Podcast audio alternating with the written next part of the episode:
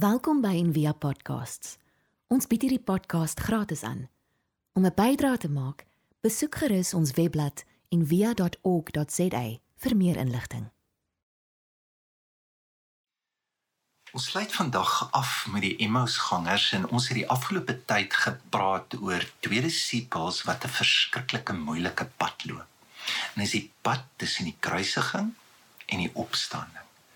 Dis om te leef tussen twee wêrelde. Die een het weggeval, jy kan nooit weer soontoe gaan nie, en die ander een wat ontvou, jy weet nie wat gaan word nie. Dit is die pad van lig wat jy gehad het na donkerte. So Lukas wat hierdie storie skryf, gee ook vir ons wysheid uit Jesus se lewe uit as hy oor hierdie tydperk praat. En dit is 'n storie waar 'n klomp mense by Jesus kom en dan sê hulle vir hom: "Here, gee vir ons 'n teken, gee vir ons 'n wonderwerk, doen 'n wonderwerk, dan gaan ons glo." En dan sê Jesus vir hulle: "Daar's een teken, dis die teken van Jona." En Lukas sê ook hy het so kant aantekening wat dit lyk nie soos 'n teken nie. So ons weet dat Jona was 3 dae in die maag van die vis. Ons weet dat Jesus opgewek is op die 3de dag. En hy probeer vir ons iets vertel van dat as ons God soek, ja, dat die opstanding, dat die grootste wonderwerk van alle wonderwerke, waar kry ons dit?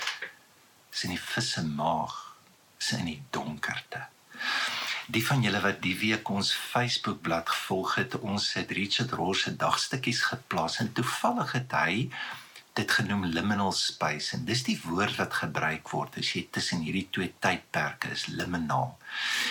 En um, ja, van die werk is moeilik om te verstaan en is mense in die middeleeue wat dit geskryf het, maar dis reeds mense wat in die donkerste tye gelewe het wat geweet het maar hoe navigeer ek my met God. En daar's drie maniere. Jy kan dit doen, maak jou pad oor jou. Gryp, hou vas, bou jou veiligheid. Dit gaan oor jou. Vrees en vries. Soos die disippels, lei die deure toe agter mure, bly in Jerusalem. Ek wil net veilig wees. Of jy kan dit maak. Nee nee nee, kom ons maak dit ons pad. En uh, ek gaan nie alleen nie, ek vat my beste buddy saam met my. Dis die Emmaus gangers en waarna toe gaan ons? Ons gaan Emmaus toe. Nou het ons gesê Emmaus is soos Las Vegas. Kom ons doen iets om hierdie donker so vinnig as moontlik lig te maak. Of jy kan soos in hierdie verhaal 'n blik, 'n vista, 'n kyk kyk in 'n ander wêreld. In 'n manier hoe God hierdie skepping vashou en dit gemaak het waarvan jy deel is en is liefde. En dat jy in hierdie donkerste tyd die liefde kan ervaar en jy kan wysheid put uit die donker. Dis die enigste plek waar ons wysheid kry. In so 'n mate dat jou hart kan brand. Dis 'n mooi metafoor want dit bring lig. Is is hoe jy die pad gaan navigeer in 'n moeilike tyd is met 'n hart wat vir jou die lig bring. Ek dink aan Pieter Berger. Hy's 'n sosioloog en hy hulle bestudeer nou maar samelewings en en hy sê elke samelewing het nou maar basies drie stories. My storie, ons storie en dan noem hy dit the story. So my storie, myne, ek hou van visvang, ek hou besonderlik daarvan en ek hou basies van visvang. So my seentjie nie. So Desember wil ek hom nou bekeer en ek berei vir hom die lekkerste kabeljou voor in die hoop dat as hy dit proe gaan hy saam met my vang en dan kyk hy so na die kabeljou en dan sê hy pappa ek kry hom so jammer. So daai kite gaan nie vlieg nie. En dan sien ook iets moois in dit want ek en jy het 'n blou druk. Ons sit ja manier hoe God jou gemaak het wat jy moet eer wat wat verskriklik mooi is wat jy moet ontdek. Dit is nie al nie. Jy lewe met 'n familie jy lewe in 'n gesin. Jy lewe in 'n dorp jy lewe in 'n buurt jy lewe in 'n land. En in hierdie plek waar ons is, identifiseer ons met met gewoontes, met maniere, met kulture wat God ook eer en wat verskriklik mooi is. Dit is nie al nie.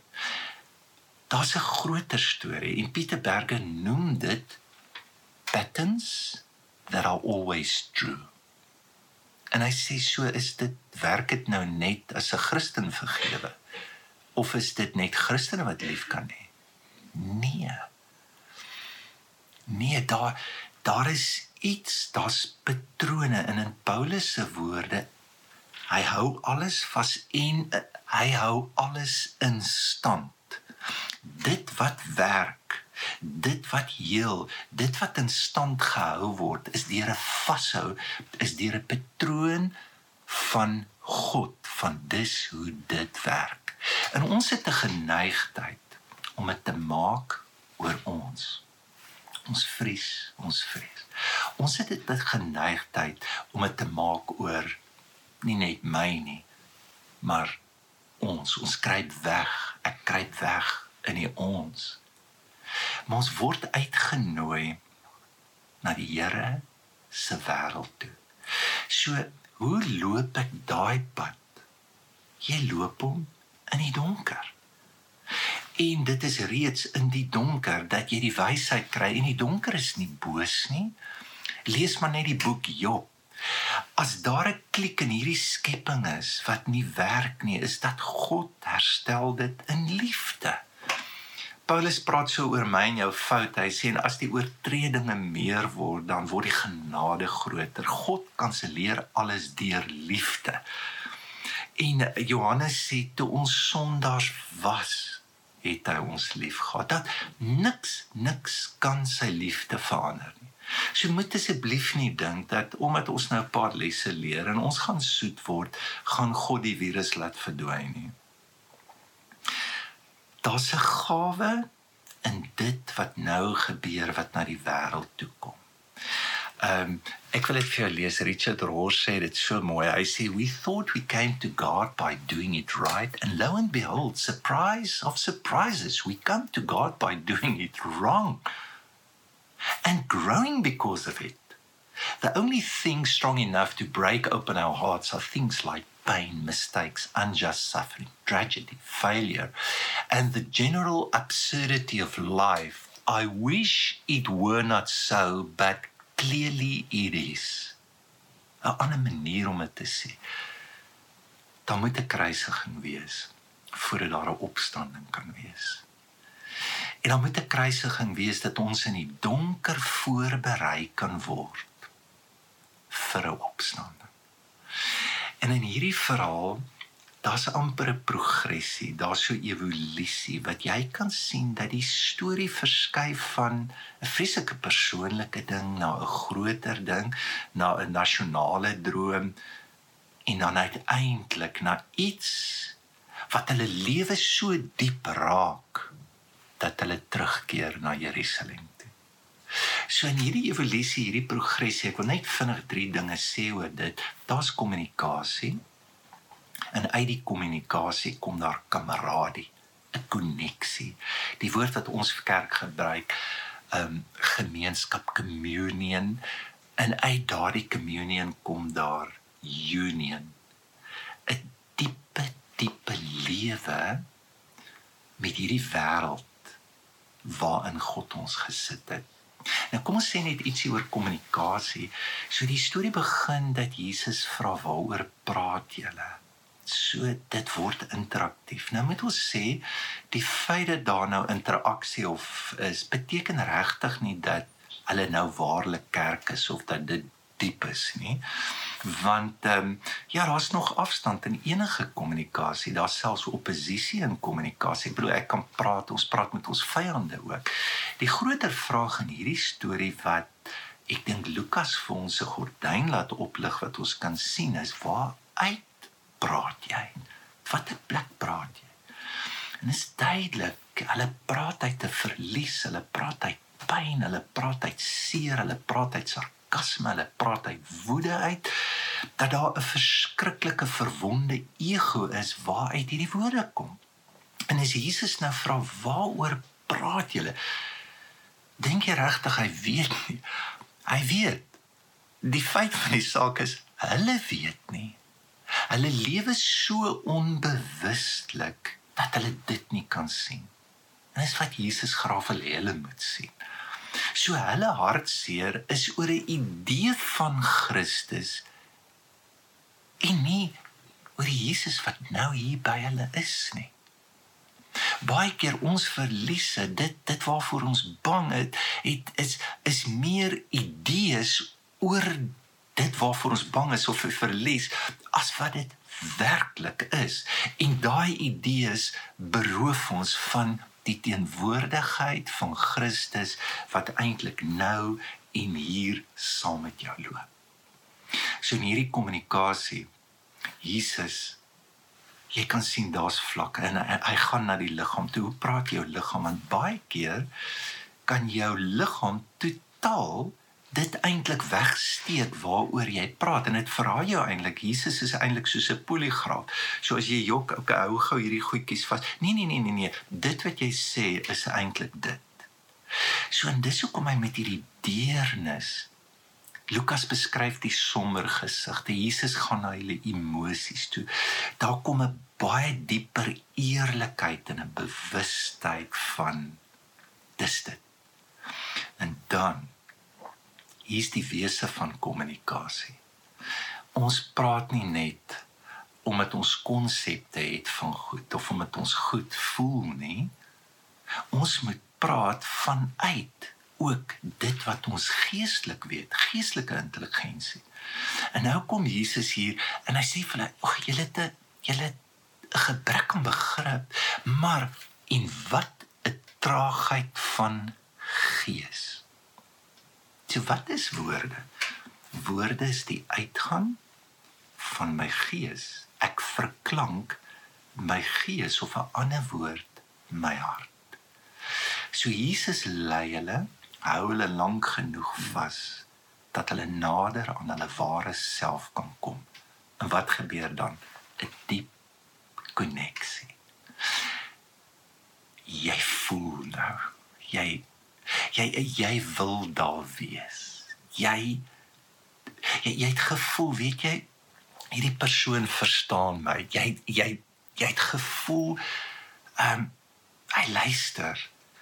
Jesus is nie beter weterig nie. Jesus uh doen nie net van 'n gewonder werk nie. Maar seker die grootste toets vir 'n koneksie is die gevoel maar nou wil jy by die persoon wees. Jy is nie daar om jy daar moet wees. Ek gee nie om omdat ek skuldig voel of om, om dis die regte ding om te doen of 'n Christen behoort te doen. Ek doen nou. Ek verbind my nou aan mense, weet jy? Want ek wil.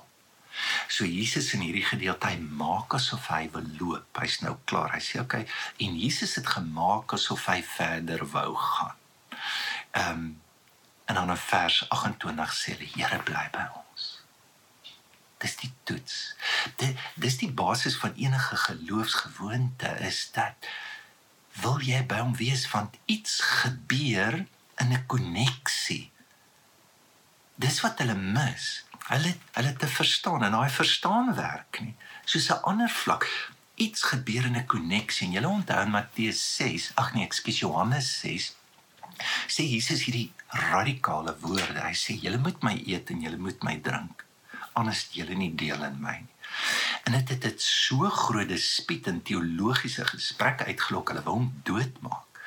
Maar dan sê Jesus in vers 63 in Johannes 6 want ek sê vir julle dit is die gees wat iemand lewend maak want hy kan dit nie self doen nie. So weer eens praat Jesus van 'n koneksie 'n verbintenis wat ons het met mekaar en uit daai diep ding gebeur daar iets geestelik en in hierdie geval Jesus bly toe en hy eet toe die brood breek sien hulle dis hy en hulle oë gaan oop kan jy glo? Nie met herlewingsdienste, nie nie met 'n preek nie, met 'n gewone ete. En uit 'n diep hartspasie met mense waarmee ons dalk verskil, wat ons kan vashou, word die Christus gesien. En ek sluit af en dis die laaste ding. Na hierdie ervaring sê die Bybel in vers 33 en hulle dadelik opgestaan en hulle is Jerusalem toe. Hulle verbind hulle terug aan die donker. Hulle is terug na die pyn, die teleurstelling en die onsekerheid. Ek wil jou vra, jou praat jy in hierdie tyd? Hoe lees jy liggaamstaal? Hoe ervaar jy die koneksies en ek dink ons almal het hierdie tyd iets ervare 'n ander of 'n verlange na dieper koneksie, afwesigheid van koneksie. Maar hoe nooi ons, hoe nooi God ons uit in daai ons storie? En kan ons die beweging voel na iets groters as onsself terug na die donker? In Johannes 17 bid Jesus: Vader, moenie hulle uit hierdie wêreld uitvat nie.